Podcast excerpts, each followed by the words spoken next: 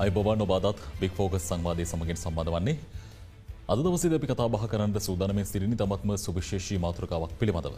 කාන්තාව. කාන්තාව කියන්නේ මේ ලෝකයේ මේ සමාජයේ මුල් පුරුක කාන්තාව නොමැති තැන සමාජයේ ආරම්භය සමාජයේ පැවැත්ම ප්‍රශ්න සහගතයි. අපේ ගෙදර අම්මත් ඒ වගේ අම්ම කියන්නේ මුළු පවුලෙම ප්‍රධාන සාධකි. ඉතින් කාන්තාව ගැන කතා කරන්න සුවිශේෂී අවස්ථා කිහිපයක් වෙන් කරලා තිබ්බට කාන්තාව ගැන අවුරුද්ධ දවස් තුන්සිය හැට පහේම කතා කළත් මදි. මොකද ඒ තරමටම ඔවුන්ගේ ජීවිතය තුළ ඔවුන් මුහුණ දෙන ගැටලු අභියෝග මෙතකැ කියලා කියනට බැහැ. ඉතින් ඔවුන් පිළිබඳව කතා කරන්නට අපි ආරාධන කළත් දවසේදී. පාර්ලිමේන්තු මන්ත්‍රීවරයන්ගේ සංසදේ සභහපතින පාර්ලිමේන්තු මන්ත්‍රී වෛද සුදර්ශනය ප්‍රාන්තපුල්ලි මහත්මිය අයිබෝවන් ඒබගේ අපිත් සමගින් සම්බඳ වෙනවා. පාර්ලිමේන්තු මන්ත්‍රීවරයන්ගේ සංසදේ සමාජිකා පාර්ලිමේන්තු මන්ත්‍රී ආචාරය හරිනි අමරසූරිය මහත්මිය. අයිබෝවන් ඒවගේ අපිත් සමගින් සම්බන්ධයනවා ශ්‍රී ජයවර්ධනපුර විශ්වවිද්‍යාලයේ අපරාධ යුක්තිය පිළිබඳව මහාචාරය නිරංචි විජීවර්ධන මහත්මය. අයිබෝවන්. හොඳයි තින කාන්තාව ගැන කතා කරනකොට ආරම්භය ගන්නට ඕන මේ කාන්තා හිංසනය සම්බන්ධ අද දවසද අපි සුවිශේෂය අවධානයක් යොමු කරන හින්දා. වැඩසරහන ආරම්භේදම සඳහන් කරපු කාරණාව තමයි කාන්තාව අර්බුදකාරී තත්වයන්ට මුහුණ දෙන්නේ මේ අවස්ථාවේදී කියලා නිශ්චිතව සඳහන් කරන්න බෑ. කායිකව වෙන්න පුළුවන් මානසික වෙන්න පුළුවන් ඕනෑම ආකාරයකට මේ කාන්තාවන් අර්බුදකාරී තත්වයන්ට මුහුණ දෙනවා. හැබැයි මේ කාන්තා හිංසනය කියන්නේ මොකක්ද. කාන්තා හිංසනය කියන කාරණාව පැතිරලා තියෙන මොනවගේ වපසරියකද කියන දේ සම්බන්ධයෙන් සමාජය තියෙන අවබෝධය මදි. ඉතින් ඒ වගේම මේ කාන්තා හිංසනය කියන එක යම් කිසි තැනකට ලගු වෙනවාද කියන කාරණාව පිළිබඳව ප්‍රශ්නයක් තියෙනවා සහ පැහැදිලි අවබෝධයක් සමාජය තුළ නෑ ම ඔබතුමට ඒ ප්‍රශ්නම කරන්න මොකක්ද මේ කාන්තා හිංසනය කියන සහ මොකක්ද මේ කාරණාව සම්බන්ධයෙන් තියෙන වපසරිය. ඇත්තටම අපි හිංසනයට විරුද්ධ එක කාන්තාවකට වේවා පිරිමි කෙනෙකුට වේවා දරුවෙකුට වේවා සම්පූර්ණයම හිංසනය අපේ සමාජයෙන් තුරං වෙන්න ඕනේ. එතට විශේෂයෙන් අපි කාන්තාව ගැන කතා කරන්න පර්යේෂණවලින් ඔප්පු වෙලා තින ලෝකය ගත්තත් කාන්තාවන්ගේ සීට තිහක් හිංසනයට ජීවිත කාලය තුළ හිංසනයට ලක්වෙන කවරාකාරය හරි. ලංකාව තුළ අවුරුදු පහලෝට වැඩි කාන්තාවක් ඉගෙන් සියට විසි පහක්. කෝකායික එහෙමනැත්තන් ලිංගික එහෙමනැත්තම් මානසිකාතවරවට ලක්වෙනවා මේ කාලෙ ගත්තම ආර්ථික හිංසනයත් මත විශාල ලෙස බලපානවා. Uh, එතකොට um, ඒ කාන්තාවන්ගේ සීට විස්සක් බොහෝ විට හිංසනයට ලක්වෙන සමගේ කිට්ටු අන්තෙක් සමග සෝහන් පුරුෂාරි කිට්ටු කෙනෙක්ගෙන් තම හිංසනයට ලක්වෙන්නේ. එතට මේ හිංසනයට ලක්වෙන කාන්තාවගේ uh, බැරිවෙනවා මේ රටේ ආර්ථිකයට දායකත්වයක් දෙන්න පවුලේ තමුන්ගේ පවුල තුළ uh, තමුන්ගේ දරුවටික රැක බලා ගන්න ඒ වගේම um, විවිධ දුෂ්කරතාවට පත්වෙනවා. ඇති ඒ වගේම තමයි මේ කුටුම්බයක් තුළ හිංසනය නිතර සිදුවෙන වනම්. මේ කියන දරුවෝ දරුවන්ටත් ඔවුන්ගේ වර්ධනයට කායික මානසික වර්ධනටික ඉතාමත්ම රිනාත්මක බලපාන. මේ දරුවන්ගේට හැකියාව ලැබෙන්න හැ තමුන්ගේ ජීවිතය තමුන්ට ලැබෙන අවස්ථාවලින් ප්‍රශස්ත අවස්ථා ප්‍රශස්ත ලෙස තමුන්ගේ සංවර්ධනය ඉදිරියට ගෙනියන්. ඒවගේ මේ දරුවන්ගෙන් කොටසක් තම වැඩි හිටිය බවට පත්වනම් විශේෂ පිරිමි ළමයින ඕනුත් ප්‍රචන්ඩත්වයට ලක්වන. නිසා මේ ප්‍රචන්්ඩත්වය කියන එක වලක්වා ගැනීම ඉතාමත්ම වැදගත්වන අපි කෙන කාන්තා පුරුෂ සමාජ භාවය පදනම් කරගත එමට ජෙන්ඩ පදනම් කරගත්ත යම්කිසි ප්‍රචන්්ඩත්වයක් සිදුවෙනවන එක සම්පූර්ණය නවත්තන්න ඕන කාන්තාවක් නිසා කාන්තාව ප්‍රචන්්ඩත්වයට ලක්විය තුන. පිරිමි කෙනෙක් නිසා ප්‍රචන්ඩත්වයට ලක්වෙන්න හොඳ නරම කනිකව අපි වැඩින් කාන්තාව ගෙන කතායන වැඩි කාන්තාවට තම මේක බලපාන්. ඒ වගේම තමයි අපි දැන් ස්වභාවිකව ජීව විද්‍යාත්මක කාන්තා පුරුෂ කියලා බෙදුනට සමට සමාජය යම්කිසි හඳුනා ගැනීමක් කරන මු කාන්තාවද්ද පිරිමි කෙනෙද්ද ඒ ඒ දෙක අතරමැදි කණ්ඩායමකුත් ඉන්න.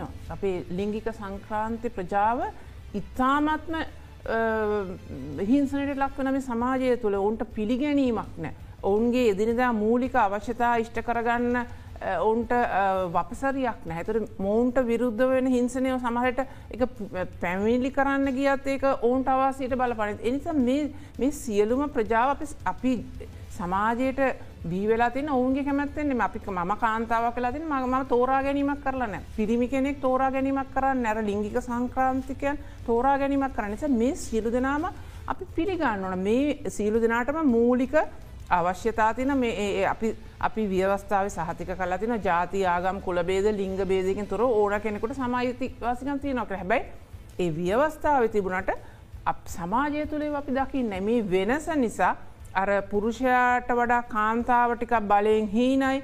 ඒ වගේ අනිත් ලිංගික සංක්‍රාන්තිකයන් ගත්තම කිසිම ඊටත් වඩා වෙනස් එනිසා තමයි ප්‍රචන්්ඩ ඇතිවෙන අපිමි ප්‍රචන්්ඩත්වය වලක්වා ගත යුතුයි. ප්‍රචන්්ඩත්වයට පත්වෙන අයට සේවාවන් සපයන් අපි විදිමත් සේවා වියහයක් අපි ඇති කරන්න ඕන. ඒවගේම තමයි මේ ප්‍රචන්්ඩත්වයට ලක්වෙන අයට විරුදුව නීතිය හරිට ක්‍රියාත්ම කරන ඔය තුන ඉතාමත්ම වැදගත් වන එහෙම වුණත් අපිට පුළුවන් වෙනවා මේ රට තුළ හැම දෙනාටම විවිධත්වයක් තියෙනවා. මේ විවිධත්වය මේ වෙනස වටහාගනම සමාජය තුළ සතුටින් ජීවත් වෙන්න පුළුවන් වටපිටාවක් අපිට හදලා දෙන්න පුළුවන්.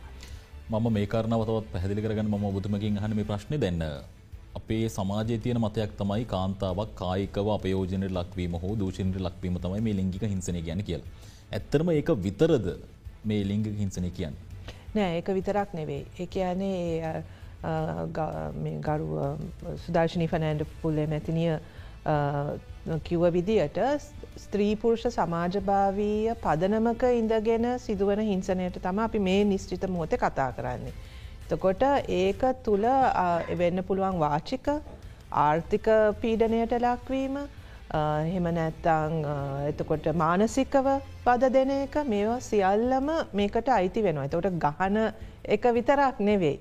ඒක තමයි ඒක අර එක කෙලවරක් සහ ලස්ති මෙතන මහිතන වැදගත්ම දේ තමයි සමහර වෙලාවට සමාජයේ මතයක් තියෙනවා මේක වෙන්නේ දුප්පත් අයට විතරයි නූගත් අයට විතරයි මෙහෙම වෙන්නේ. එහෙම එකක් නෑ. ඒ ස්ත්‍රීපුරුෂ සමාජභාවීය හිංසනය කියන එක සියලුම සමාජ ස්තර තුළ අපිට දකින්න පුළුවන්. සමහර විට උගත් කාන්ත උගත් ඉගෙනගත් වෘතියමය ඉතාමත්ම ඉහළ ස්තරයකට ගිය කාන්තාවකට වනත් මේ අත්දැකීම් සිද්ධ වෙනවා. සමහර වෙලාවට ඒගොලොන්ට ඒවා කියාගන්න බැරි වෙන ඒ සමාජ තත්ත්වයක් තුළ ඇතිවෙන ලැජ්ජාව එහෙම එක්ක. විශේෂ මල සංක්‍රාන්ති ප්‍රජාව තුළ අපි මේක ගොඩක් දකින එකගොලො පිළි නොගැනීමම හිංසනයක්. ඉතින් මෙවැනි විදියට එක ඒක අර මේ කායික හිංසනය විතරක් නෙවෙයි ඊට එහා ගිය මේක පුළුල් අර්ථකතනයක් අපි ගන්න ඕනේ ආර්ථික හිංසනය කියන එක ආර්ථික අවස්ථාවලට අවස්ථාව අහිමිවීම. ආර්ථිකව සවිබල ගැන්වීමට තියෙන අවස්ථාව නතර කිරීම. මේ සියල්ලම හිංසනය කොටසක්. මෙතන වැදගත්ම දේ ඒ අර ස්ත්‍රීපුරුෂ සමාජභාවීය වෙනස තුළ සමාජය තුළිනුත් හදනවනේ සංස්කෘතිකව අදනවා ගැහැනුකම කියන්නේ මේකයි පිරිමිකම කියන්නේ මේකයි. එතකොට ඒ දෙක අතර අපි බලය පිළිබඳ ප්‍රශ්නකුත් තියෙනද පිරිමිකමට බලය වැඩි. පිරිමිකම තුළ ඒ සංස්කෘතියෙන් හදන එක තුළම තියෙනවා ප්‍රචන්්ඩත්වයට පොඩි ප්‍රමෝෂන් එක පිරිමියක් කිව්වම දඩබ්බර එහෙම එක්කෙනෙක් කියන එක ගැහැනියෙක් කිව්වාම ගැහැනු සංස්කෘතිය තුළ ඉන්න ඕනේ පහත් අර හරිම නිකං සුකුමාල සොෆ්ට් එක්කෙන එක්කරේ. එතකොට ඒක තුළම අපි හදනවා ඒ පිරිමි සංස්කෘතිය පවත්වාගෙන යෑමට නම් ප්‍රචන්්ඩත්වය අවශ්‍යයි කියලා. ඒක වාචිකවද කායිකවද මානසිකවද පිරිමියෙක් නික අර පොරක් විදියට හැසිරුන් නැත්තම් පිරිමියෙක් නෙවෙයි. එතකොට ඒක තුළම තමයි අපි හදන්න මේ ස්ත්‍රීපුරුෂ සමාජභාවය හිංසනයට අවශ්‍ය සමාජ පසුපිම. දොට අපිට වෙනස් කරන්න ඕනෙත් අන්න ඒ විදිය හිංසනයට තුඩු දෙන ඒ සංස්කෘතික අනන්‍යතාත් අපි වෙනස් කරන්න ඕනේ. මේ මොක පිරිමියෙක් කෙනෙක් වුණාමත් එයාටත් පුළුවන් සංවේදී වෙන්න. ඒක ගැහැනුවෙක් කෙනෙක් එකක් විතරක් නෙවේ. පිරිමියෙක් කෙනෙක්ටත් දැනෙන්න පුළුවන් ආදරය සෙනෙහස දුක වේදනාව මේවා ගැහැනු ගති විතරක් නෙවේ. ති අන්නේ අර ස්ත්‍රීපුරුෂ සමාජභාවීය අර්ථකතනයන් සංස්කෘතිකව දෙන අර්ථකතනයන් තුළින්ම සමාජය මේ හදන වෙනස සහයකට දෙන වටිනාකම් අනුව අපි සමාජ පසුබිමක් හදනවා මේ හිංසනය පවත්වාගෙන යෑම අන්න ඒක වෙනස් කරන දේ තමයි වැදගත්ම දේ. කෙටි සහ ලගු කරන ලද කාරණා කිහිපයක් නෙමේ මේ ඉතාමත්ම විශාල බපසරයක විහිරලා තියෙන විහිදලා තියෙන කාරණාවක් කියලා අපිට දැන් පැහැදිලි දෙන්න. මේ මේ බපසරියත් එක්ක මම ඔබතුමීට යොමු කරන ප්‍රශ්නේ ලංකාව තුල තියෙන නීති පද්ධතිය ප්‍රමාණවත්ද මේ කියන ආකාරයේ අර්බුද වලට ලක්වෙන කාන්තාවන්ට යුක්තිය ඉටු කරන්න. පුලස්ති ඔබ හොඳ ආරම්භයක් ගත්තේ කතාවට ඇත්තටම මේ ස්ත්‍රී පුරුෂ සමාජභාවය මත වෙනස් කොට සැලකීම කියන එක ඉතිහාසය කවරහරි දවසක විශේෂයෙන් කාන්තාවන්ට එක අහඹුවක් විදිහට හෝ එහෙම නැත්තං හිතා මතාම හෝ සිදුවුණු වරදක් විදිහට අපිට ගන්න පුලා මේක කාලයාගේ ඇවෑමෙන් අපි දන්නවා ඇත්තටම මේවා පිළිබඳව හිංසනයන්ට කාන්තාවන් ලක්වනකොට බටහි රටවල් වල පිරිමි පුරුෂ පාර්ශවයන් තමයි මේ ස්ත්‍රීවාදය කියලා හඳුන්වා ගනිමින් ඒ වගේ විවිධ රැලි අපි කියනවා ඉතිහාසේ බටහි රටවල් ආශ්‍රය කරගෙන මේ වගේ නැග්මවල් තුනක් ගැන කතා කරනවා. එතකොට මේ ආරම්භයන් පෙරටු කොට කොටගෙන නිතරම කාන්තාවන් හිංසනයට ලක්වීම පිළිබඳ විධ කතිකාවන් ආරම්භුණ. ඔබමා දන්නා සත්‍යයක් තමයි එදදාස් නමසය විස්ස විතර වෙනකොට අපි දන්නවා ගොඩක් වෙලාවට මේ චන්ද බලය කාන්තාවන්ට නොලබෙනකොට ඒගොල්ල දෙවනි පුරවැසියන් විදිට සලකලා ඒගොල්ලන්ට වෙනස්කොට සැලකීම් කරනවා කියනකට පිළිබඳව මෙලීනා ෆර්ඩිනන්ස් වගේ කාන්තාව මේකට විරුද්ධව කතා කරලා එදදාස් නමසය විස්ස හැට වගේ කාල වෙනකොට මේ වගේ පරිවර්තනයන් සිද්ධ වෙන විශේෂෙන් එදදාස් නමසය හැට විතර වෙනකොට කාන්තාවන්ට විධ ශේෂ්ඨ ක්ෂේත්‍රවලට රැකියා පිළිබඳ කවුලු විවර වෙනවා. කොහොමුණත් ඔබෝය කියපු කතාවෙදි නීතිය ප්‍රමාණවද මේක හරි හරි ලස්සනට අපූරුවට විග්‍රහ කරනවා Desmond Morris naked woman the study of female body කියන කෘතිය එක තැනක කියනවා ගැහැනියට උපන්දා ඉඳලම ගැහැනිය තමන්ගේ හිස මුදුනේ ඉඳලා පාදාන්තය දක්වාම සියලු දේවල් වෙනස් කරගන්න සමත් වෙලා තියෙනවා. ඒක කොච්චරද කියනවා නම් එයාට ඒ හැකියාව නැහැ කියලා කවුරු හරි අභියෝග කරනවා නම් හැම ගැහැනියකුට මද වෙනකොට හිස් පාදාන්තය දක්වා දිග වෙන්න ඕන කෙස් කමල කෙස් කලඹක් තියෙන්ට ඕන. නමුත් ගැහැනු හැම එයාගේ මුළු සිරුරම වෙනස් කරගන්න සමත් වෙලා තියෙනවා. හැබැයි ඉතිහාසේ කොච්චර ගැහැනුන්ට සිදුවන හිංසනයන් ගැන කතිකාවන් සිදුවනා වුනත් තාමත් කාන්තාවට බැරි වෙලා තියෙනවා ඇයට එදිරිව සිදුවන ප්‍රචන්්ඩත්වයට එරෙහිව ක්‍රියාමාර්ග ගන්න මොකද නිතරම සමාජය ඇතුළේ ඇය වින්දිත භාවයට පත්වෙනවා. තුර ඔබ අහනවා මගේ නීතිය ප්‍රමාණවද්ද. මේක ගත්තොත් පුලස්ති අපි දන්නවා දෙදස් පහවිතර වෙනකන් ලංකාවේ සමාජය ඇතුළෙත් දෙදස් පහේ අංක තිස් අතරධරන ගෘහස්ත ප්‍රචන්්ඩත්වය වැලැක්වීමේ පනත එනකන්ම අපිට තිබුණි පොඩි අඳුරු කාල පරිච්චේදයක්. ඇතරම නමුත් මේ දෙදස් පහේ අවුරුද්ධ මේ ඇතිවෙන නැග්ම දැන් අපි දන්නවා ගොඩක් වෙලාවට දකුණු අප්‍රිකාව ඊළඟට පිලිපීනය ඉන්දියාව මලයාසියාව මේ වගේ රටවල් ඔක්කොම මේ එදස් නම්සි අනුව දසකෙන් ආරම්භුණට පස්සේ මේ පිළිබඳ ලොකූ නීතිරීති අරගෙනාව. දෙදස් පහේ ලංකාව මේ නීතිය ආරම්භ වීමම අපි දකින්නේ නීතිමේ ඉතිහාසය තුළ විශිෂ්ට පරිච්චේදයක ආරම්භයක් විදිහට. හැබැයි අපිට අමතක වෙලා තියෙනවා අපි නීති හැදුවට ඒ නීති හදන සමාජය වටපිටාව. ඒ කියන්නේ උදාහරණයක් විදිහට අපි ඕනම නීතියක දැමිතුමිය හොඳ ප්‍රවිෂ්ටයක් ගත්තා බලය ආධිපත්‍ය සහ ප්‍රචණ්ඩත්වය මේ තුනාතර තියෙන යම්කිසි ආකාරයක සටනක් මේක. පිරිමි පාර්ශවයන් හිතනවා ඒගොලොන් තමන්ගේ දුර්වල පාර්ශවයට බලය මුදාහරිනවා ඒක තුළින් එයා ප්‍රචණ්ඩත්වය මුදාහරිනවා ඒකෙන් බලය ඒ බලය කාන්තාව වෙත යොමු කිරීම හරහයා ආධිපත්‍යයක් ගොඩනගා ගන්නවා. ඉතිං දැම් මේකට නීති ගෙනාව වුණට මේ නීති කොච්චර දුරට ඒ සමාජ ක්‍රමයට එක ගැලපෙනවද ඒ සංස්කෘතිය කොච්චර දුරට ඒකෙන් නිරූපණය වෙනවද. ඒ නීති ආදේශ කරන ක්‍රියාවලිය දැන් උදාහරණයක් විදියට ගත්තම ඔබ නියෝජනය කරන මාධ්‍ය ශේෂත්‍රය ගත්තත් මෙතුමියන්ල නියෝජනය කරන පාර්ලිමේන්තුව හෝවේවා මම නියෝජනය කරන විශ්වවිද්‍යාලය හෝවේවා මේ ඕනෑම ව්‍යූහාත්මක ආකෘතියක් තුළ පවුලෙන් පටන්ගත්ත හම මේ ඕනෑම ව්‍යූහාත්මක ආකෘතියක් තුළ අපිට නිලීනව එක අපි විසින් කරගත්ත දෙයක් නෙමේ නමුත් නිලීනව දකින්න පුළුවන් වෙන්න පුරුෂාධිපත්‍ය ආකෘතින්.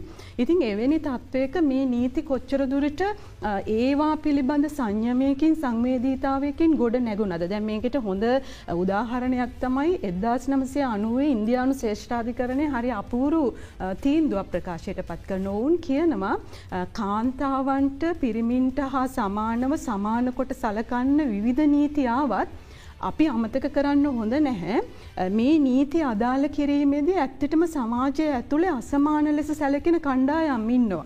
එතකොට ඒ අසමාන ලෙස සැලකෙන කණ්ඩායම්. ධනය හෝවේවා ස්ත්‍රීපුරුෂ සමාජභාවය නිසා හෝවේවා දේශපාලන තත්ත්වය හෝවේවා මෙන්න මේ අසමාන ලෙස කැල සැලකෙන කණ්ඩායම්මට එක නීතිය ඉදිරි ඔක්කොම සමාන වෙන්න ඕන. ඒක තමයි මූල ධර්මය. හැබැයි ඒක ප්‍රායෝගිකව ක්‍රියාත්මක කරනකොට සමාජයේ තවමත් විවිධ හේතු මත අසාධාරණයන් වලට ලක්වන කණ්ඩායම්වලට ඒක අදාළ කරන්න යනකොට ප්‍රායෝගික ගැටලු වෙනවා. එදදාස් නම්සි අනුව මේක දෙන්න මට මතක විදිහට මාරි රාවෝ මගේ මතකය නිවැරදි නම් රාවෝ ඩීන් මෙන්න මේ නඩු තීන්දුව මේකදි ශේෂ්ඨාධිකරණය කියනවා ඒ නිසා අනිවාර්යෙන්ම මේ වගේ සමාජයක් ඇතුළේ අසමානකොට සැලකෙන කණ්ඩායම්වලට නීති ආදේශ කරනකොට රාජ්‍ය හානිපූර්ණ ප්‍රතිපත්තියක් අනුගමනය කරන්න ඕන කියලා. ඔය කාරණාවත් එක්කම මතු කරන කාරණාව තමයි දැන් මේ මේ අරබුදය මේ විදිහට තිබුණට ඒ කියන්නේ නීති සම්පාදනය කිරීම සහ නීති රට ඇතුළේ ක්‍රියාත්මක වුණාට තමන්ට සිදුවන අර්බුද සහ හිංසනයන් සම්බන්ධයෙන් කාන්තාවන් නොනැගටීම ප්‍රශ්නයක් නෙවෙයි මම විවෘත ප්‍රශ්නයක් විදිහට බුදුබලට යොමු කරන්නේ. මම හිතන්නේ නැගිට් ඒකත් එක ප්‍රශ්නයක්. කාන්තාව හැබැයි කාන්තාව අපි දකිනව. දැම් විශේෂෙන්ම උදාහරණයක් හැටිට ගත්තම දැන් පොදු ප්‍රවාහණය සියට අනුවම කාන්තාව විධ හිංසනයන්ට ලක් වෙනවනේ. එතකොට දැන් අද අපි දක්වන ඒ දැන් අවුරුදු දහයකට විස්සකට පෙර කාන්තා බොහොම ඉවසගෙන හිටිය මකද හැමවෙලේම යමක් සිද්ධියක් වුණාම සමාජය කාන්තාවට තමයි ඇගිල්ල දික් කරන හැබැයි අද වෙනකොට මම දකිනවා කාන්තාව ඊට එරහි වෙනවා. ඊට එරහිව අවශ්‍ය කටයුතු කරනවා. හැබැයි නැගිටීම හරි හිමි මොකද මේ නැගිටීම තුළිනුත් සමාජය චෝදන එල්ල කරන කාන්තාවට ඒවගේ තමයි විධ හිංසනයන්ට ලක්වෙන ඊළඟට යන්න ඕන පොලිසියට. අපි කාන්තහා ළමා ඒක හැම පොලිසිය ස්ථාපිත කරලා තිබ්බට කාන්තාවට සහ දරුවන්ට යම්කිසි කරදරයක් වන ඔන්ට සංවේදීන ඇතියන මේ තියෙන ක්‍රමවේදය. ඒ නිසා මේ යුක්තියට පසඳල පසඳ ගැනීමට යෑමට ඔවුන් මැලිකමක් දක්වන්න සමට සමහරවිට හිංසනයට ප්‍රචන්්ඩත්වයට ලක්වන. සමහරයවා බොහෝවිට සමතයකට පත් කරගන්න විද්‍රෝ කරගන්නවා පැමිණිල්ල. ඒ නිසා මේ කාන්තාව මහිත ඇත්තරම කාන්තාව නැගිටලම් පාරට බැහලා එක්දස් නම්සි තිස්ස එකේ චන්ද බලය ලබාගත්ත වගේ සටන් කෙරුවොත් අපිට පුළුවන්. හැබැයි කාන්තාව තුළත් තමා පිළිබඳව තියෙන අවබෝධය විශ්වාසය සමහර කාන්තාවන්ටත් මේ ගැන දැනුම තේරුමත් නැහැ. මේදේ වැරදි කර සමහරය හිතනවා මේක ඉවසා ගැන සිටිය යුතුක මෙ මංහිතන්න කිසිම කාන්තාවක් මේ ප්‍රචන්්ඩත්වය ඉවසාගත යුතුයි කියලා මේ ප්‍රචන්්ඩත්වය හරහා සිදුවන පවුල් පරිහානිය සමාජ පරිහානි රටක් හැටියට පරිහානිය පිළිබඳ අවබෝධ කරගත්තු මදන කවරුත් මේක ඉවසන එකක් නෑ. හැබයි ඉවසන්න සිදුවන අවස්ථාව තමයි කාන්තාව ආර්ථික වශයෙන් අර යැපේනව පුරුෂයා මත. එතකොට දෙන්න කාන්තාව සමර අවස්ථාවලද දන්නෙත් නෑ තමන් හිංසනට පත්වන කියලා. ඒත් අනිවරෙන් ප්‍රශ්න ඒක මහිතන මෙතුමියත් කිව වගේ නිරංජනත් කිව්වා මේ පුරුෂාධිපත්‍යය තුළන අපි ජීවත් වෙන්නේ. එතකොට ඒ පුරුෂාධිපත්‍යයෙන් තමයි සමාජයේ ආකල්ප තහවුරු වෙන්නේ. තකොට ඒක තුළ මෙහෙම කාන්තාවක් ඉදිරිපත්වීම කාන්තාවන් තමන්ට එරෙහිව සිද්ධ වෙන හිංසනයට ප්‍රචන්්ඩත්වයට එරෙහිවීම වලක්වන සමාජාකල්පත් තියනවා ගැහැන් වුණා මෙහෙමනේ හොඳ ගෑනු එහෙම වෙන්න. හොඳ ගෑනුන්ට ප්‍රචාන්ඩත්වය හිංසනය වෙන්න ඒ ගොල්ලොන්ගේ මොකක්කරි ප්‍රශ්නයක් නිසා තම ඒගොල ප්‍රචන්්ඩත්වයට හෝ හිංසනයට ලක්වෙන්නේ. අපි දැකලා තියෙනවනේ දූෂණය සිද්ධ වෙන අවස්ථාවලදී වනත් පළමුුවෙන් මහන්නේ ඒ ගැහැනිය කොතනද හිටිය කොහොමද හිටිය කොහොමද හැසුරන මොකක්ද ඇඳං හිටියේ එතකොට ඒ පුරුෂාධිපත්‍යය තුළින්ම හදන එක හරහා ගැහැනියක් වනත් ඇය ගැන ප්‍රශ්න කරන්න පටන් ගන්න මං මොකක්ද කරපු වරද්ද දැම මෙතන ඉදිරිපත් වනොට ඊට පස්සේ මොකක්ද වෙන්නේ. නේ අහිතාන අපේ සාහිත්‍යය සංස්කෘතිය තුළ අපිට උගන්නන දේ පුලස්ති ගෙදර ප්‍රශ්න එලියට දෙන්න එපා. ගැහැනියෙකුනාම ඉවසන්න ඕනේ. දරාගන්න ඕනේ සියලු දේම. පිරිමි එක්කෙනාව හදාගන්න ඕනේ. පිරිමි එක්කෙනාව හැමවෙලාම සතුටු කරන්න ඕනේ. ඒ වගකීම තියෙනෙ අපිට. දොට ඒ විදියට තමයි අපි අපේ දුවල හදන්නෙත් අපේ පුත්තු හදන්නේ.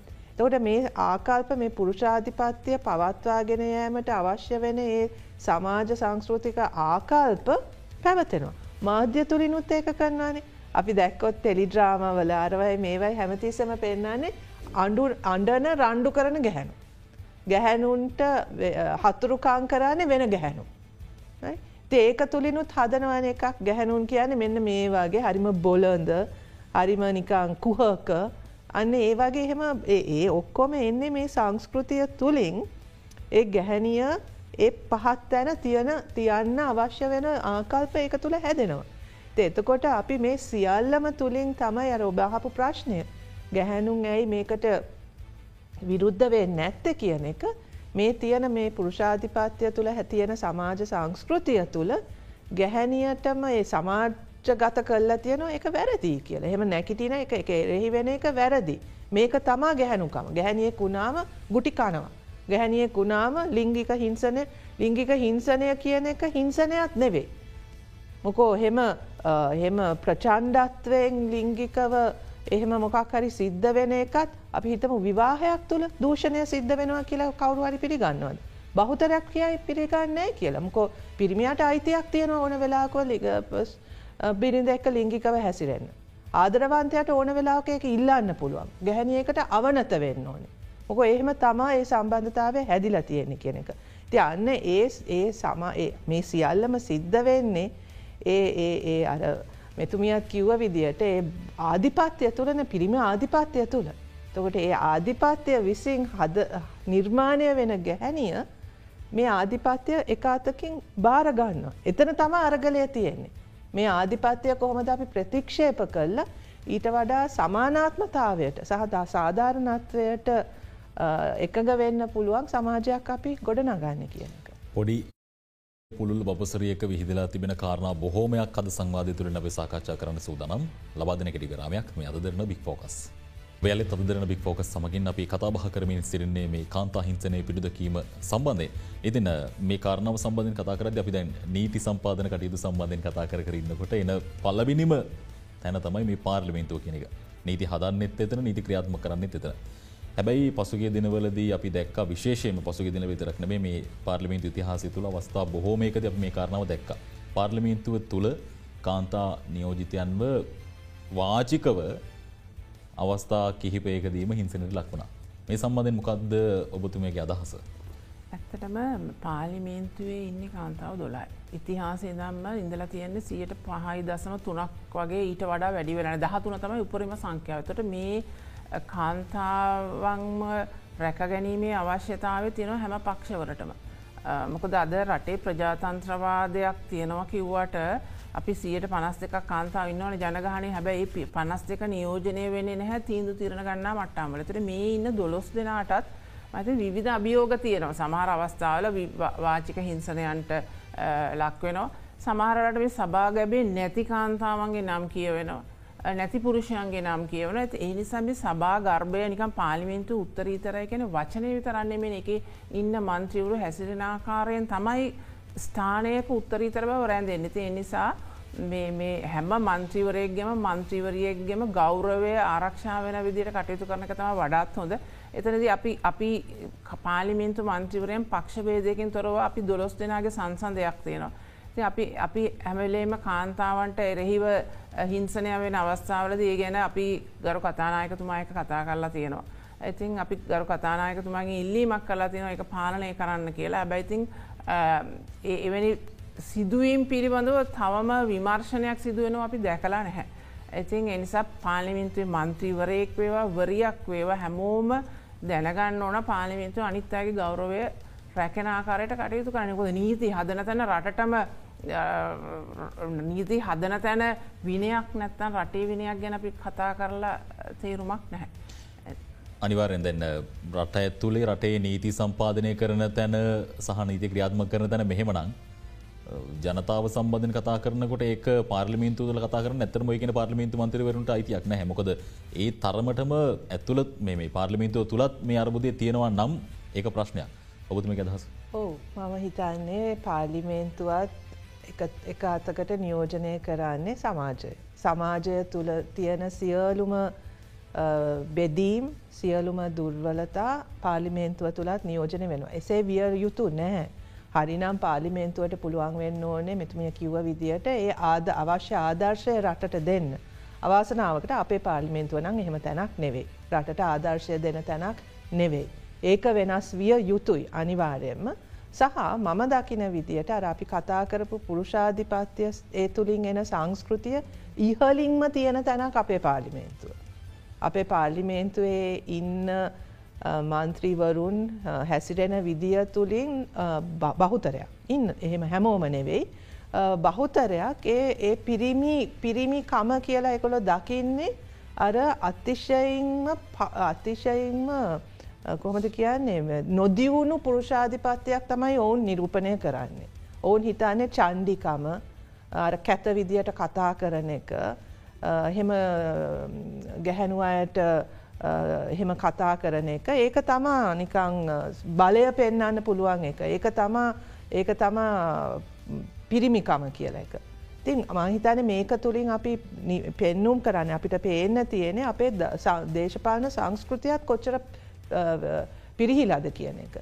හැබැයි ඒකම තමා අපේ දේශපාලනය තුළ කාන්තා සහභාගිත්වය අඩුවීමටත් හේතුව. මේ විදියට මේ විදියේ නිකං එච්චර ප්‍රතිගාමි ප්‍රචන්්ඩත්වයට තුඩු දෙන සහ හිංසාකාරී දේශපාලන සංස්කෘතියක් තුළ මොන ගැහැනියද මොන පිරිමියද ඒකට එකතු වෙන්න කැමති. ඉති ඒ නිසා අර දේශපාලන සංස්කෘතිය වෙනස් කරන්න නැතුව එක මහිතන්නෑ වෙනස් වෙනවා කියලා සහ අවාසනාවකට අද මේ තියෙන පාලිමේන්තුව තුළ ඒ අපිට හොඳින්ම නිරූපණය වෙන දෙයක් නමුත් අපි සතුටුයි එක අතකි මේවා කතා කරන එක. මේවා කතා කරලා මේවා පේන එකෙන්ම තමයි එක වෙනස් වෙන්න අපිට ජනතාව හැටියට පුරවැසියන් හැටියට බලපෑමක් කරන්න පුළුවන් වෙන්නේ. ඒ නිසා මන්ත්‍රීවරියක් වුණත් මන්ත්‍රීවරයෙක් වුණත්. මේ තියන මේ පසුගාමී ප්‍රචන්්ඩත්වයට තුඩු දෙන සහ ඒ හිංසාකාරී දේශපාලන සංස්කෘතිය අපේ භාවිතාව තුළින් අපි වෙනස් කරන්න ඕනේ. අපේ භාවිතාව දේශපාලඥයන් හැටියට අපේ භාවිතාව වෙනස් නොවන තාක්කල් අපිට පාලිමේන්තුව මීට වඩා වෙනසක් බලාපොරොත්තු වෙන්න බෑ. හැබැයි අපිත් කාන්තා සංසදය හැටියට මෙතුමිය කිව්ව විදියට අපි බලාගෙන ඉන්න කතානායකතුමා මොකක්ද මේකට කරන්න කියලා. ම දැ ඊලට යම කරන්න ද ප්‍රශ්නය දැන් ආසන්නතම සිදුවීම සම්බන්ධ ගත්තට පස මොකක්ද මේ වෙනකොට සංසදයක් විදිර අරගෙන තින ක්‍රියාමාර්ග? අපි සංසන්දය මම සභාපතිතුමි හැටියට මම ගරු කතානායකතුමාගේ ඉල්ලීමක් කෙරවා. මෙවැනි සිද්ධීන් තවදුරට ඇතිවීම වලක්වා ගන්නත් ඒ ඒ පිළිබඳ විමර්ශනයක් කරන්නත් කියලා. අපි ඉල්ලීමක් කරලා තියෙන ඊට කලින් සිදුවීමේදීත් අපි ගරු කතානායකතුමාට ඉල්ලීමක් කරලා තියෙන හැබැයි කලින් සිද්ධියේදීත් අපි දකින්නේ නැහැ තාමම. ඉතිහාසය තුළ මොන යම් හෝ අවස්ථාවක දෙහෙම ක්‍රියාමාර්ග අරගෙන තියෙන අවස්ථා තියෙනවද? ඉතිහාසේ දැනගන්න එහෙම නැහැ. හැබැයි ඇත්තටම යම් කිසි වචනයක් සමහරට තමුන් ආවේගශීලි වුණාම තමුන්ගේ පාලනයකින් තොරව යමක් කිය වුණානං සමාව ඉල්ලන්න පුළුවන්. එක මූලික දෙයක. සමාව ඉල්ලුවා නං ඒක මහිතන ඊට වඩා දෙයක් කිරීම අවශ්‍ය වෙන්නේ නමුත් එහෙම තත්ත්වයකුත් නෑ. ඒ ඒ වගේමතම සමහර පක්ෂ තුළත් පක්ෂ නායකනුත් වග කියන්නන මොකද පාලිමේන්තුව තුළර විෂයානුබද්ධ අද කාරණාවට වඩා සමහට විෂයෙන් පිට මන්තිවරුන්ගේ පවා ආත්මගරුත්වය හානි කර සංවාද වෙන අපි පොතකු දැකලා තියෙන තිනිසයි මන්ත්‍රීවරුන්ගේ ගරුත්ව ආරක්ෂා කිරීමත් වැදගත්වෙන ගැන එක පුරුෂ පුරුෂ වාචික හිංසනය පුරුෂ කාන්තාවාචික හිංසනය මැදැන උපරිම ලෙස අපි දකිනවති ඒ අපි වෙනස් කරන්න ඒ වෙනුවෙන් කතා කරන්න ඒ වෙන සමාජ කතිකාවතක් ඇති කරන්න ඕන මහිතන්නේ අපි සමාජය තුළ පෙළඹවීම ඇති කරන්න ඕන ඉදිරි මැතිවරණවලද ඡන්දය දෙනකොට අපේක්ෂකය ගැන හොඳට හොයලා බලන්න කියලා. මේ අපේක්ෂක අපේක්ෂිකාව කාන්තාපුරුෂයන්ට ගරු කරන අයද දරුවන්ගේ ආරක්ෂාව ගැන වැඩ කරන අයද ඒ වගේ තහවුරු කරපුවාය දෙහෙමනත්තන් චෝදනාව තියෙනද ඒ සියලුමදේ බලල චන්දයදීම වැදගත් වෙනවා. ඒත් එකම දැන් මේ කාරණාව මෙහම කතාවේද දැන්න සමාජය තුළ තිබෙන තබත් සුවිශිෂි කාරණාවක් තමයි මේ ට්‍රන්ස්ජෙන්ඩස්ලා මේගොල සම්බන්ධෙන් කොතනකවත් කතාවෙන්නේ නැහැ. ලංකාවේ නීතිය තුළ ඔවුන් සම්බන්ධෙන් මොනවගේ තත්ව ඇතින් මහචරතුමට මේ ප්‍රශ්නයම කර. ඇත්තටම පුලස්ති මේක ඒගොළගේ ජීවිතය ඒගොලන්ට මුහුණ දෙන දෙන්න සිද්ධ වෙන එක්තරා සංක්‍රාන්තික කාලයක්. නමුත් අපි දැක්කා සමාජ මාධ්‍ය වගේ බොහොමයක් තැන්වලදී මේක බොහෝ වෙලාවිට ගැහැනියෙක් පිරිමියෙක් වෙලා මේ අපූරු දේවල් මේ වගේ විවිධ විදිහට සයිබ අවකාශය තුළ ඉතාම නරක විදිහට මේක හෙලා දකින්න ඒ වගේම මේක පිළිබඳ කතිකාවන් ගොඩනගල තියෙනවා. ඉතින් අද වර්තමාන සමාජ මම දන්නා දෙයක් තමයි විශේෂයෙන් ওই නීති ආධාර කොමිසම වගේ විවිධ තැන්වලදී ඔවුන්ට මේ සමාජය ඇතුලේ කිසිදු වෙනස්කමකට ලක් නොවී ජීවත් වෙන්න ඕන කරන පදනම ඒක පිළිබඳ දැනුම ඔවුන්ට තියෙන අයිතිවාසිකම් ඔවුන් වෙනුවෙන් ලබා දෙනවා වගේම අනිත් පැත්තෙන් සමාජය තුල ජනගත කිරීමක් සිද්ධ වෙමින් යනවා. අපි දන්නවා ඕනෑම කෙනෙක් ගැහැණියෙක් වීම, පිරිමියෙක් වීම, නැත්නම් ළමයෙක් වීම, එහෙම නැත්නම් කිසිම කෙනෙකුගේ සමාජ ස්තරායන සාධකයක් පදනම් කරගෙන නීතිය ඉදිරියේ අසමාන විදියට සැලකෙන්න බෑ.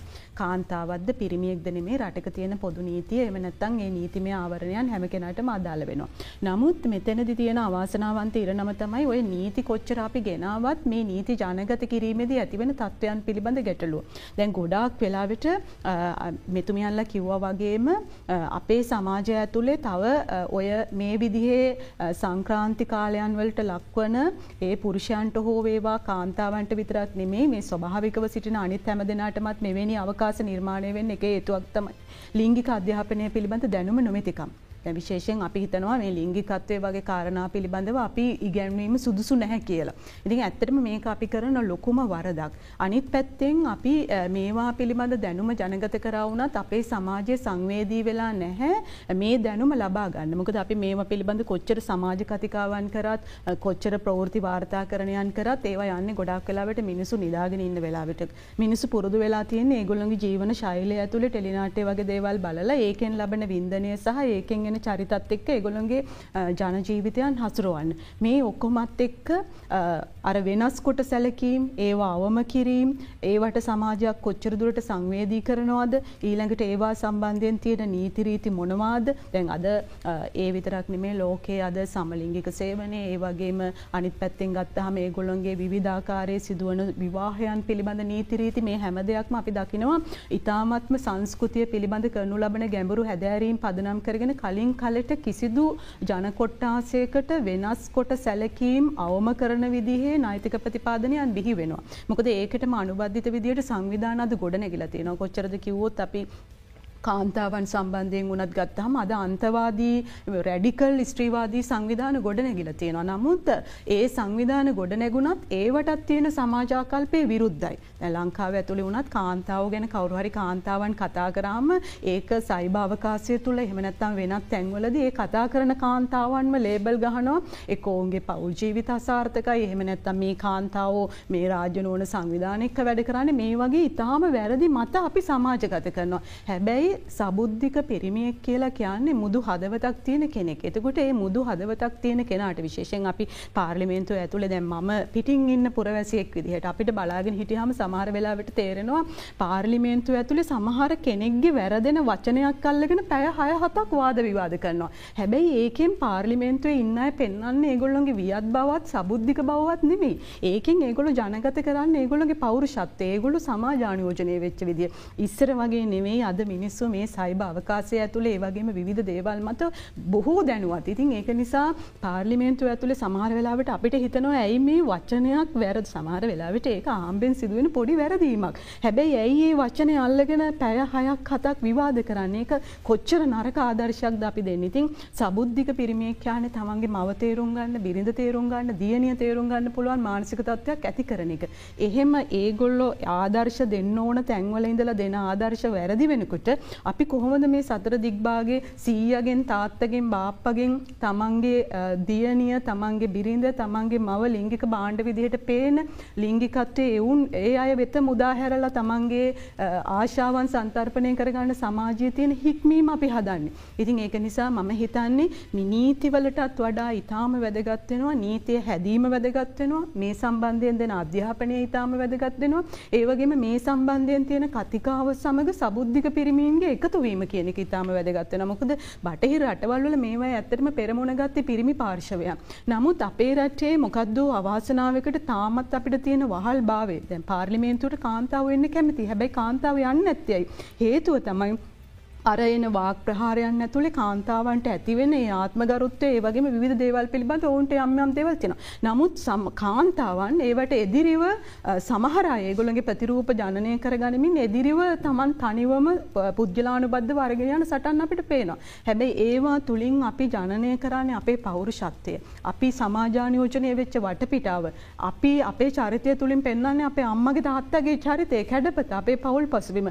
ඉතින් ඒක නිසා අපි ඉතාම ගෞරවය ගෞරවෙන් ආදරයෙන් කියන්නේ සමාජය ඇතුළේ බිරිඳට මවකට ගැහැනියකට දියනියකට දෙන්න ඕන ගෞරවය ගැහැනුන් විසින් කරන කතා බහකින් විතරක් අපිට රෝපණය කරන්න බෑ. මේ තුළ වෙනස් වෙන්නට ඕනේ මිනිස්සුන්ගේ ආකල්ප සමාජය ආකල්ප ඒ සමාජී ආකල්පට වෙනස් වුනට පස්සේ එතනින් neහාට මේ පාලකයන්ගේ ආකල්ප වෙනස්වීම අනිවාර්යෙන්ම සිද්ධ වෙනවා. ඉතින් මේ සම්බන්ධයෙන් අපි කතා කරන්නට තවත් සූදානම්. කිරි විරාමයක් ලබා දෙන්න මේ අද දෙරන බික් ෆෝකස්. ඔබ යාලේ තද දෙරන බික් ෆෝකස් සමගින් අපි කතා බහ කරමින් සිටින්නේ මේ කාන්තා හිංසනය පිළිබඳව අපි පාර්ලිමින්තුව ගැන කතා කරපු හින්දා ඒත් එක්ක මම යොමු කරන ප්‍රශ්නේ මේ සම්බන්ධයෙන් මේ කාන්තා හිංසනය සම්බන්ධයෙන් නීති සම්පන්නය වීමක් මේ වෙදි සිද්ධ වෙනවා දලුතෙන් ඔව ඇත්තටම අපි කාන්තා පුරුෂ සමානාත්මතාවය තහවුරු කරන කාන්තාව සයිබල ගන්නවන්න ප්‍රතිපත්තියක් නෑ රටි. දැන් ප්‍රතිපත්තියක් සකස් කරලා කාන්තා සංසන්දය කාන්තා අමාත්‍යංශත් එක්ක දැන් අවසං අධීර තියෙන්නේ. ඒකම එකට අවශ්‍ය නීති රාමුවත් සකස්වමින් පවතිනවා. ඉතින් අපි විශ්වාස කරනවා මේ හරහා යම් කිසි සවි බල ගැනීමක් සම්කිසි ආරක්ෂාව සැලසේ කියලා හැබැ නීතියම මදි ලොකු ආකල්පමය වෙනසක් ඇති කරන මහිතන වැඩ සටහනකුත් අවශ්‍ය වෙන. ඒවගේ තමයි පසුගේ දෙනවල අපි අපේ ප්‍රධාන ප්‍රෘති විකාශ හා වාර්තා කරපු කාරණාවක් තම මේ පාසල් දරුවන් වැඩි වශයෙන් මේ මද්‍රෝපය භාවිතයට යොම වෙලා තිබෙනවා. ඒ අතිරනුත් දියනියන් මේ සඳහා යොම වෙලා තිබෙන සම්භාවිතාව වැඩි. ඇයි මෙහෙම යොමු වෙලා තියෙන්නේ සහ නෛතික පැත සම්බන්ධයෙන් මම ඔබතුමයට යොමු වෙන්නම්. ඇයි මෙහෙම යොමු වෙලා තියෙන්නේ සහ මේ මේ පාර්ලිමේන්තුව තුළ නීති හදන කණ්ඩායම් විදිහට ඔබතුමියල්ල මොකක්ද ගන්න ක්‍රියාමාර්ගය මේ පිළිබඳව. ඇත්ත වශයෙන්ම අපේ මෙතන අවධානය තිබිය යුත්තේ මේගොල් පාසැල් දරුවන්ට අපිට එක ගොඩක් ආරංචි වෙන දෙයක්. සෑම පාසලක් අවටම මේක ඉතාමත්ම පහසුවෙන් මේ මද්‍රව්‍ය ලබා ගැනීමේ හැකියාව තියෙනවා කියලා. වැ අපි ගත්තොත් ප්ලස්ති මේ නීතිය ක්‍රියාත්මක වෙන විදිය අර අර මේ චේන් එකේ කෙලවරම ඉන්න එක්කෙනා ගැන විතරයි අපි අවධානය දෙන්නේ. මේවා ගෙන්නන අය පිළිබඳ අපේ අවධානය හරිම අඩුයි. එතනත් අවාසනාවන්ත විදියට දේශපාලනය මැදිහත් වෙනවා. මොකෝ මෙතන අපි ගේන මේ රටට මේ මද්‍රව්‍ය ගේන අයට දේශපාලන ආරක්ෂාවක් සිද්ධ වෙන නිසා ඔවුන්ට මේක කරන්න පුළුවන් අපි අර කෙලවරයේම ඉන්න බෙදාහරින්නව තමයි අල්ලගන්න. එතකොට මෙතන නීතිය වගේම අනිත් පැත්තෙන් තියෙන්න ඕන පුනරුත්ථාපනය මේකට දෙන සේවාවන් මේක අපි අර මොකක්ද නීතිය උල්ලංඝනය කිරීමක්ම පමණක් නෙවෙයි. දරුවෙක් පහුණොත් ගිල දරුවව ගිහිල්ලා හිරභාරයට ගන්න එක විතරක් නෙවෙයි මෙතන උත්තරේ. විශේෂයෙන්ම පාසැල් තුළ මේවා පිළිබඳ දැනුවත්වීම. මේවා එතකොට මේවට ඇබ්බැහිවී වෙන අයට මොනවද දෙන සේවාවන්. ඒක හරිම වැදගත්. ඉතින් මේක මේකත් අර සියල්ලම මේක නිකං අර නීතිය හා නීතිය උල්ලංඝනය කරන එකක් හැටියට විතරක් දකින්න බෑ. මේක සමාජ ගැටලුවක්. ඒ සමාජ ගැටලුවටත් අපේ අධ්‍යාපන ව්‍යවහයන් තුළ ප්‍රතිචාර අත්‍යවශ්‍යයි. ඒවගේ මතම දැන අපි බන්ධනාගාර සම්බන්ධය අවධානය යොමු කරද්දී අම්මලාගේ වැරදි හින්දා ගොඩක් දියනිය බන්ධනාගාර ගත වෙලා තිබෙන අවස්ථා අපි දකිනවා. අම්මත් එක්ක දියනටත් ඉන්න වෙලා තින බන්ධනාකාරය. ඇයි මෙහෙම වෙන්නේ සහ නීතිය නීතිය තුළ මේ සම්බන්ධෙන් තියෙන වපසරී මොකක්ද. ඒක පොලස්ති අම්මලාගේ වරදින් කිවොත් මංහිතර මංගේකට විරුද්ධ වෙනවා. ඒකට හේතු අපි ඕනම අපරාධකාරයෙක් බිහිවෙනකොට මේ තනි පුද්ගලයකුට වඩායි කැන දැන්ගේ අම්මලාගේ කතා ප්‍රෘෘතිගයමත් මම ඒක ඒක ඇත්තටම කාන්තාවන්ට කරනු ලබන හිංසනයක්. අම්ම කෙනෙක් දරුවෙක්ට දැන්ව අයිස් මද්‍රවයවල දියුණත් අප දැක්කම අම්ම තමයි දරුවගේ බෑගකට දැම්ම කියලා ඒක මාධ්‍යමගින් වුණත් වාර්තා කරණය කිරීම තුළින් එකරේ හිංසනයක්. හැබැයි අම්මට මද්‍රව්‍යාව කොහෙන්ද. මේවට තියෙන ලොකු හපු හවුල්කාරිත්තු ජාලයක් මේවා ඉන්න මහා මොලකරු කවු දේව එව්වද.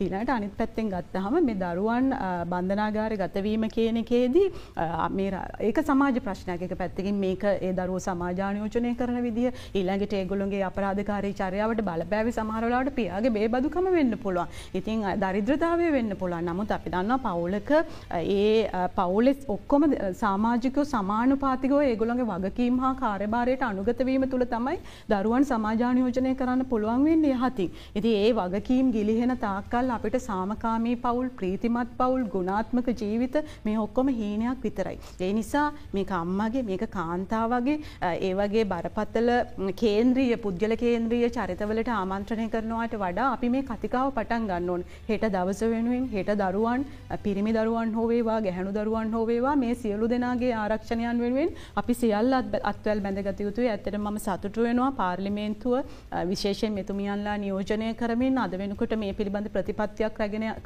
ක්‍රියාත්මක කරන්න දරන උත්සාහය විශ්වවිද්‍යාල මට්ටමිනුත් විශ්වවිද්‍යාල ප්‍රතිපාදන කොමිසන් සභාව වගේ ආයතනත් එක්ක බද්ධ වෙලා මේවට විවිධ ප්‍රතිපත්ති මේවට සමලු ඒ වගේ මේක අපි පිහිටෝල තියෙනවා විශ්වවිද්‍යාල ප්‍රජාව අතර මේ ආකල්ප අපි ගජානනය කරමින් වගා කරමින් පවතිනවා. ඒ වගේ අනිත් පැත්තෙන් අපි ආරාධනා කරනවා හැම හැම දේකම ආරම්භය වහල යටිනුයි ගණ්ඩෝන ඒ නිසා වහල යටින් හැම පවුලකම වහල යටින් ඒ ආරම්භය ගන්න පවුලට ගරු කරන්න පටන් ගන්න. ඒ වගේ අනිත් පැත්තෙන් ගත්තාම සමාජය ඇතුළේ අපි හැමෝගෙම ආරමුණ කිසිම කෙනෙකුට වෙනස්කොට සැලකීමට ලක් නොවී ගැහැණු පිරිමි බව මත වෙනස්කොට සැලකීමට ලක් නොවී ජීවත් වෙන එක.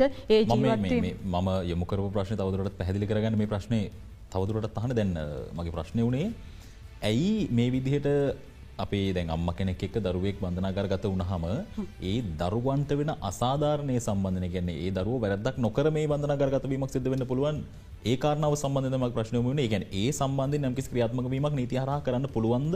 ලංකාවේ ආයතන තියනවාද ඒ දරුවන්ව බලා ගන්න එහෙම?